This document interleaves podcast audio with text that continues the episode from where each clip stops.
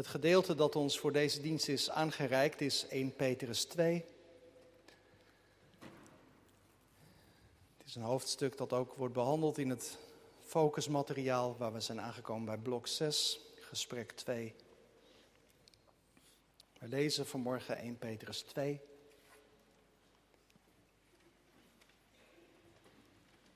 De versen 1 tot en met 10.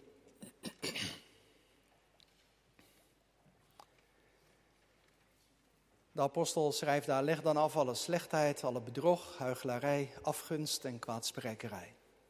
En verlang vurig als pasgeboren kinderen naar de zuivere melk van het woord, opdat u daardoor mag opgroeien. Indien u tenminste geproefd hebt, of uh, daar u geproefd hebt, dat de Heere goede tieren is. En kom naar Hem toe als naar een levende steen, die wel door de mensen verworpen is, maar bij God uitverkoren en kostbaar. Dan wordt u ook zelf als levende stenen gebouwd tot een geestelijk huis, tot een heilig priesterschap om geestelijke offers te brengen, die God welgevallig zijn door Jezus Christus. Daarom staat er in de schrift, zie, ik leg in Sion een hoeksteen die uitverkoren en kostbaar is en wie in hem gelooft zal niet beschaamd worden. Voor u dan die gelooft is hij kostbaar, maar voor de ongehoorzame geldt, de steen die de bouwers verworpen hebben, die is de hoeksteen geworden en een steen van aanstoot en een struikelblok. Voor hen namelijk die zich aan het woord stoten door ongehoorzaam te zijn, waartoe zij ook bestemd zijn. Maar u bent een uitverkoren geslacht, een koninklijk priesterschap, een heilig volk. Een volk dat God zich tot zijn eigendom maakte, opdat u de deugden zou verkondigen van Hem die u uit de duisternis geroepen heeft tot zijn wonderbaarlijk licht. U die voorheen geen volk was, maar nu Gods volk bent. U die zonder ontferming was, maar nu in ontferming bent aangenomen. Tot zover de lezing uit de Bijbel. Dit zijn de woorden van God. Gemeente van Christus, in een Bijbelstudieboekje over 1 Petrus haalt Nelly van Kampen een herinnering aan aan een bezoek in Schotland. Ze schrijft het volgende. Stenen, ze liggen overal aan de ruige Schotse kust. Grote en kleine grijze stenen. En er zijn ook overal muurtjes van gebouwd die er robuust uitzien. Ook de huizen zijn zo, robuust, ferm. En ergens aan het einde van de weg, een uurtje lopen van het dorpje waar ik logeerde, staat een grote oude boerderij. Nou ja, wat er van die boerderij over is. Alleen de muren nog. En een klein stukje dak. Maar de muren zien er wel uit alsof ze de eeuwen kunnen verduren. In de omgeving woont een vrouw die een visioen heeft gekregen van God. Ze gelooft dat die oude boerderij een huis zal gaan worden waar mensen in moeite een tijd lang rust kunnen vinden. En het zal vooral een huis zijn waar het evangelie van Jezus gedeeld gaat worden.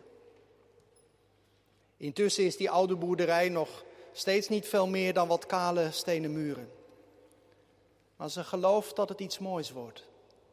Want zij zag het al. Zij kijkt met andere ogen. De apostel Petrus die schrijft een brief.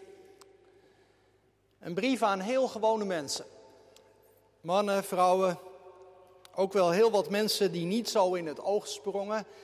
Petrus richt zich ook heel nadrukkelijk op een groep slaven. Maar het bijzondere van deze brief is dat Petrus anders kijkt. Als hij de mensen ziet, dan moet hij denken aan een huis, aan een gebouw. En het is geen bouwval, het is een prachtig huis met een stevig fundament. En zegt hij, de mensen, dat zijn de stenen. Die zijn de stenen van het gebouw. Dat hebben jullie net gezongen. Ik, ik hoorde jullie niet zo goed zingen trouwens. Hoe kwam dat nou? We voortaan een beetje harder zingen, hè? Nou goed, misschien dat je thuis even moeten oefenen natuurlijk. Maar net in dat lied klonk het ook. De Heer bouwt ook zijn huis. Daar zijn wij de stenen van. Ieder heeft zijn plekje in dat huis dat God er wonen kan. Het gaat vanmorgen over het bouwen van een huis. En nou moet ik eerlijk zeggen, eh, daar weet ik niet zo heel veel van. Er zijn hier vast mensen in de kerk die wel eens een nieuw huis hebben laten bouwen. Dan heb je daar veel meer verstand van dan ik. Dus ik zal het vanmorgen houden bij wat Petrus daarover zegt. Petrus noemt drie dingen die belangrijk zijn bij de bouw van een huis. Als je nou een briefje bij je hebt, ik zie sommigen van jullie hebben een briefje bij je, dan eh, heb je ook een pen waarschijnlijk. En dan kun je dus opschrijven drie dingen die belangrijk zijn bij de bouw van een huis. Die ga ik zo in de loop van de preek vertellen. Voor een gewoon huis zijn die belangrijk, maar ook voor het huis van de kerk, van de gemeente.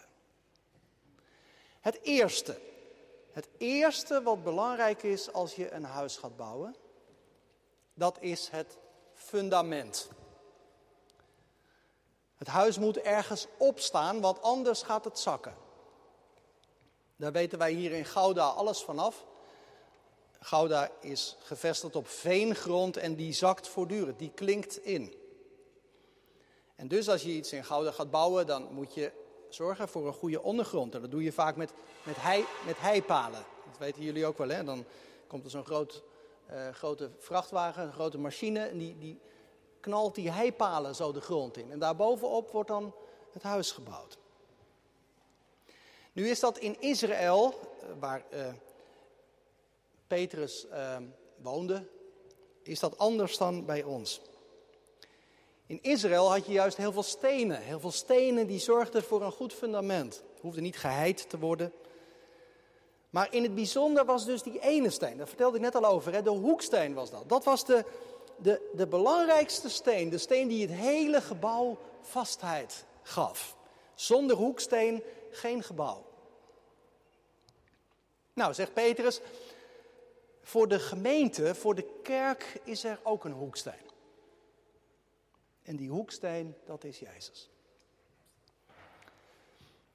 Je zou voor jezelf vandaag nog eens even moeten kijken naar hoofdstuk 1 van die brief. En dan zie je hoe hoog Petrus opgeeft van Jezus. Als hij nadenkt over wie Jezus is, dan begint hij eigenlijk te zingen. En dan zegt hij, ja, door, door Jezus zijn jullie opnieuw geboren. Door het bloed van Jezus zijn jullie verlost. En door Jezus hebben jullie een nieuwe toekomst gekregen. En door Jezus kunnen jullie het volhouden als het moeilijk is in het leven. En nog veel meer. Jezus is de hoeksteen van de gemeente. Bij Hem, bij Jezus moet je zijn. Zo staat het ook in onze tekst, vers 4. Kom naar Hem toe. Kom naar Hem toe. Want Hij is het fundament. Het fundament van ons leven, het fundament van de gemeente. Ik zei al, de mensen die dachten toen Jezus er was, met Hem kunnen we niks beginnen. Ze sloegen Hem aan het kruis. Maar toen Hij opstond uit de dood, toen kon niemand er meer omheen. Hij leeft. Hij is uitverkoren door God. Hij is, zegt Petrus, een levende steen. En dus kom naar Hem toe. Bij Jezus moet je zijn. Jongens en meiden, ik hoop dat als ik nou aan jullie zou vragen, houden jullie veel van Jezus? Dat je allemaal ja zegt. Ja, wij houden heel veel van Jezus. Want Hij is onze redder. Hij geeft ons steeds weer geloof en hoop en liefde. Bij Jezus moet je zijn. Vandaag is de startzondag en die is best heel anders dan andere jaren. Normaal dan zouden we hier achter allemaal kraampjes hebben staan en dan zouden we straks zo een beetje kriskras door elkaar heen lopen. Nou, dat moet allemaal anders vandaag. En toch, we zijn heel blij dat, dat het op deze manier kan. Er is veel anders dit jaar, maar ik hoop dat er ook iets hetzelfde is. En dat is dat bij alles wat er nou gebeurt in de Sint-Jansgemeente, dat het steeds weer draait om Jezus Christus. En dan mag je ook best onze activiteit aan afmeten, dacht ik. Dat wij ons steeds weer afvragen, ja, maar met de dingen die wij doen en organiseren, daar zijn we natuurlijk heel goed in om van alles neer te zetten. Maar krijgt Christus daar ook de eer van? Leren wij Hem hierdoor beter kennen? Komen wij door Hem in beweging? Kom naar hem toe, zegt Petrus. Over de keerzijde, als je dat niet doet, wordt in dit gedeelte ook wel iets gezegd. Je kunt, je kunt ook niet naar Jezus komen. Je kunt hem ook verwerpen, zegt Petrus. God dwingt niemand. Maar weet dan wat je doet. Weet wat je doet als je Jezus buiten je leven houdt. Als je ongehoorzaam bent, nou kijk maar in vers 7 en 8. Als je ongehoorzaam bent, als je Jezus kunt missen, dan kom je ten val. Dan wordt die hoeksteen tot een struikelsteen. Dat zou verschrikkelijk zijn. En daarom vanmorgen aan ons allemaal de uitnodiging: kom naar Jezus toe. Met je hele hebben en houden bij Hem zijn. En het is goed soms om in je leven ook echt een stap te zetten. Ik moest ook wel even denken aan alle jongeren die zijn uitgenodigd voor de beleidingscategorisatie. Ik denk dat er heel wat jongeren in de gemeente zijn die een brief hebben gekregen. En als je hem niet gekregen hebt, nou ja, dan vertel ik even wat erin staat. Want in die brief staat dat je hartelijk welkom bent om naar beleidingscategorisatie te komen. Om naar Jezus te komen, om die stap te zetten. er komt een leeftijd, dan kun je het niet meer doen met het geloof van je ouders. Ik zou je willen uitnodigen om een stap te zetten. Om te komen tot Jezus, de hoeksteen. Om het tegen Hem te zeggen, ik kan niet zonder U. Ik heb U nodig, iedere dag opnieuw. Kom tot Jezus. Hij is het fundament. Nu het tweede. Punt 2 van de preek. Even meeschrijven. Het tweede dat nodig is voor de bouw van een huis, dat zijn de stenen. Voor een huis heb je stenen nodig. Tegenwoordig, dat weet ik dan toevallig wel, tegenwoordig gaat dat steeds vaker met van die grote betonblokken. Die worden zo dan netjes op elkaar gestapeld en soms in elkaar geschroefd. Maar wij kennen allemaal ook wel van die bakstenen. Hè? Veel huizen die je ziet, zie je allemaal bakstenen zo op elkaar gestapeld, gemetseld. Rijtje voor rijtje. Nou, zegt Petrus hier, als jullie, als jullie tot Jezus komen, dan worden jullie ook ingebouwd in dat huis. Jullie worden als levende stenen gebruikt. Tot een geestelijk huis. Nou, dat is een beetje ingewikkeld, realiseer ik me. Dat is best wel lastige beeldspraak om daarin te komen. Misschien zeker wel voor de kinderen. Um, het gaat over een geestelijk huis en dan dachten de mensen allereerst aan de tempel. De tempel als het huis van God, als de plaats waar God zelf wilde wonen. Maar door de komst van Christus was de tempel overbodig geworden. Dat weten de kinderen wel. Hè? Moet je even met me meedenken. Toen Jezus stierf aan het kruis, wat gebeurde er toen in de tempel? Dat weet je wel, denk ik. Wie, wie, wie zou dat kunnen zeggen? Wat gebeurde er in de tempel toen Jezus stierf? Ja? Hartstikke goed. Er kwam een aardbeving en de gordijnen schudden. Er was een, een dik gordijn hè, tussen het heilige en het heilige der heilige deel van de tempel. Het voorhangsel en dat scheurde open. En dat betekende eigenlijk dat iedereen nu voortaan bij God mocht komen. Niet alleen de hoge priester één keer per jaar, maar iedereen. Eigenlijk was de tempel niet meer nodig. Want Jezus had het offer gebracht. Nou, en, en, en dat is er dus ook voor goed veranderd. Er is nu geen tempel meer nodig. God woont niet speciaal in één gebouw. Nee, hij woont in de gemeente, in de kerk. En de gelovigen die zijn van dat huis de stenen. In dat liedje van Ellie en Rickert wordt heel sterk het element van samen onderstreept. Niet alleen, maar samen. Dat klinkt wel een paar keer, hè? Niet alleen, maar samen. En nou is het bijzonder, want als wij aan stenen denken, dan denk je misschien aan die bakstenen en die lijken heel erg op elkaar. Hè? Zo in zo'n zo muur van een huis, dan, dan al die stenen zijn zo ongeveer hetzelfde, of bijna helemaal hetzelfde. Maar in de tijd van Petrus waren er niet van die mooie bakstenen zoals wij die kennen, maar waren al die stenen eigenlijk verschillend van vorm, en van grootte.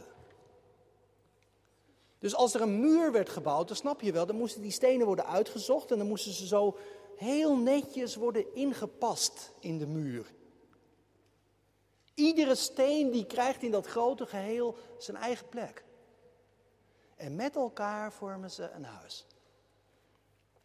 Nou, zo is het, zo is het met de gemeente. Een wonderlijk geheel van mensen overal vandaan.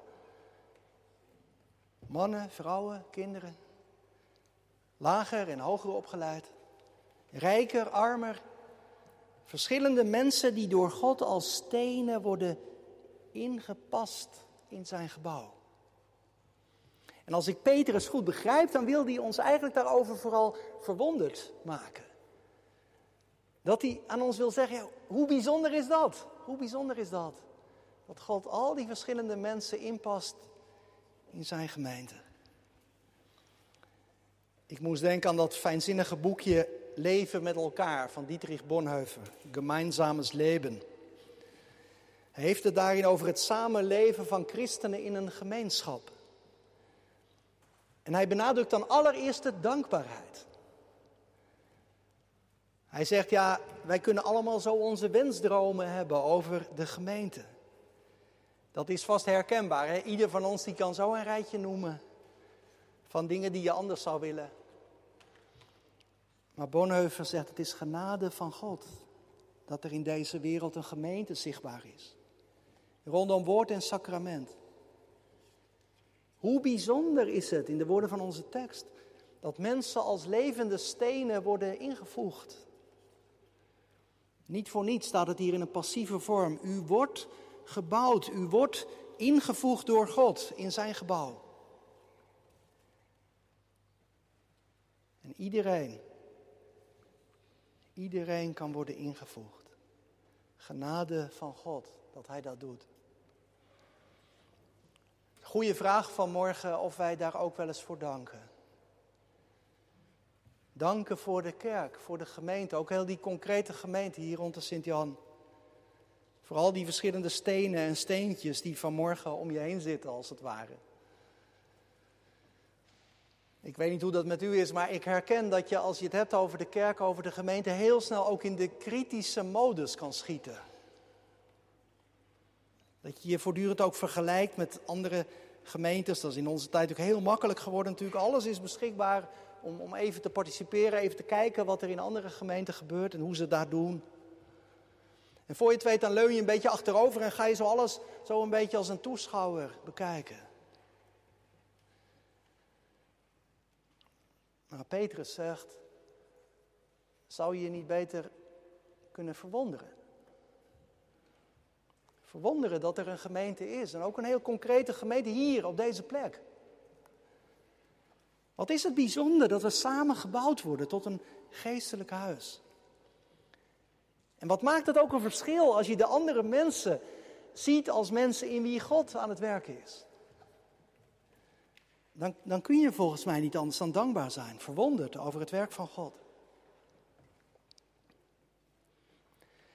Het derde, kinderen die meeschrijven, punt drie van de preek, laatste preek. Laatste punt, dus we zijn er bijna, zeg maar. Het derde dat belangrijk is voor een huis, is dat het voldoet aan het plan van de architect. Aan de bouwtekening, zou je kunnen zeggen. Dus stel je voor dat een architect heeft getekend, nou op die plek in het huis, dan moet een muur komen en die is heel belangrijk. Die heb je echt nodig. En dat die bouwer dan denkt, nou ja, dan kan ik wel zonder die muur. Nou ja, dan kan dat huis zomaar instorten, dat snap je wel. Of als de architect op zijn bouwtekening vier slaapkamers heeft getekend. En de bouwer die denkt, nou, twee is ook wel genoeg. Daar gaat het mis. Het huis dat God bouwt is in allerlei opzichten anders dan de tempel. Het grootste verschil is dat er niet meer wordt geofferd om de zonde te verzoenen. Maar er zijn ook overeenkomsten. En dan, dan verspringt in onze tekst ook opeens het beeld. Petrus is ook best wel ingewikkeld soms in, in hoe hij schrijft. Ook een beetje associatief haast lijkt het wel. Hij springt zomaar van het een naar het ander. Want eerst heeft hij het over levende stenen. Maar dan zegt hij ook opeens, ja maar jullie zijn ook priesters. Dus die levende stenen, die zijn ook priester. Zoals alle volgelingen van Jezus een levende steen zijn, zo zijn ze ook priesters. Dus niet alleen dominees of ouderlingen, maar wij allemaal. Een steen is, zou je kunnen zeggen, meer een statisch beeld. Maar een priester, ja, die heeft ook een roeping. Een roeping. Een Amerikaanse president die sprak ooit de legendarische woorden: Vraag niet wat je land voor jou kan doen, vraag wat jij kunt doen voor je land. Nou, misschien had hij het wel van Petrus. Uh, Petrus die zegt: Vraag niet wat de gemeente voor jou kan doen, maar wat jij voor de gemeente kunt doen. Je hebt een roeping. Dus niet achteroverleunen. Niet als een kritische consument oordelen, maar jezelf inzetten. Je als een priester ook in dienst laten nemen. Als priester heb je een roeping, of je nu oud bent of nog heel jong. Of je nu ziek bent of gezond, kwetsbaar of vitaal. U bent een waardevolle priester. Geroepen om te offeren. Wordt hier gezegd geestelijke offers te brengen die God welgevallig zijn door Jezus Christus. En die offers die kunnen niet anders zijn dan dankoffers. Dankoffers van verootmoediging. Dankoffers van lofprijzing. Dankoffers van gebed. Dankoffers van meeleven met elkaar. Dankoffers van concrete hulpverlening. Dankoffers van missionair werk, dat wij getuigen van Jezus Christus. Dat gebouw van de gemeente, dat is in zichzelf van betekenis. Hier eren wij God, hier klinkt de lofprijzing en God troont op de lofzangen. Maar dat kan hier ook niet blijven. Dat zal ook naar buiten gaan. Dat heeft ook invloed op anderen op ons netwerk, op onze stad. Wij zijn een levend offer. Wij geven onszelf aan Christus en zo ook aan de mensen om ons heen. Jongens en meiden, dat wil ik ook tegen jullie zeggen. Ik hoop dat jullie zo ook, als je naar school gaat of naar sport of wat je ook doet, dat je om zo te zeggen niet alleen aan jezelf denkt, maar dat je ook denkt hoe je er voor anderen kunt zijn. Hoe je anderen kunt dienen met de liefde van Christus. Ten slotte, in deze coronatijden houden we soms ons hart vast. Hoe gaat het verder met de gemeente? Hoe gaat het verder met de kerk? Denk nog even aan die oude boerderij in Schotland waarmee ik begon. Een stel stenen her en der verspreid. Maar dit is zeker, en vanmorgen hebben we het weer gehoord. Als een volmaakte architect houdt God het grote plan voor ogen. Wij begonnen daar vanmorgen mee met die oude woorden van Psalm 89. Ik weet hoe het vast gebouw van uw gunstbewijzen naar uw gemaakt bestek, naar uw plan in eeuwigheid zal reizen. God zelf zal uiteindelijk zorgen dat zijn gebouw gereed komt het fundament is al gelegd in Jezus Christus. De muren rijzen al op, gevormd door levende stenen. En iedere dag opnieuw worden er stenen toegevoegd. Totdat het huis gereed is. En die dag zal spoedig komen. Eer aan de Vader en aan de Zoon en aan de Heilige Geest. Amen.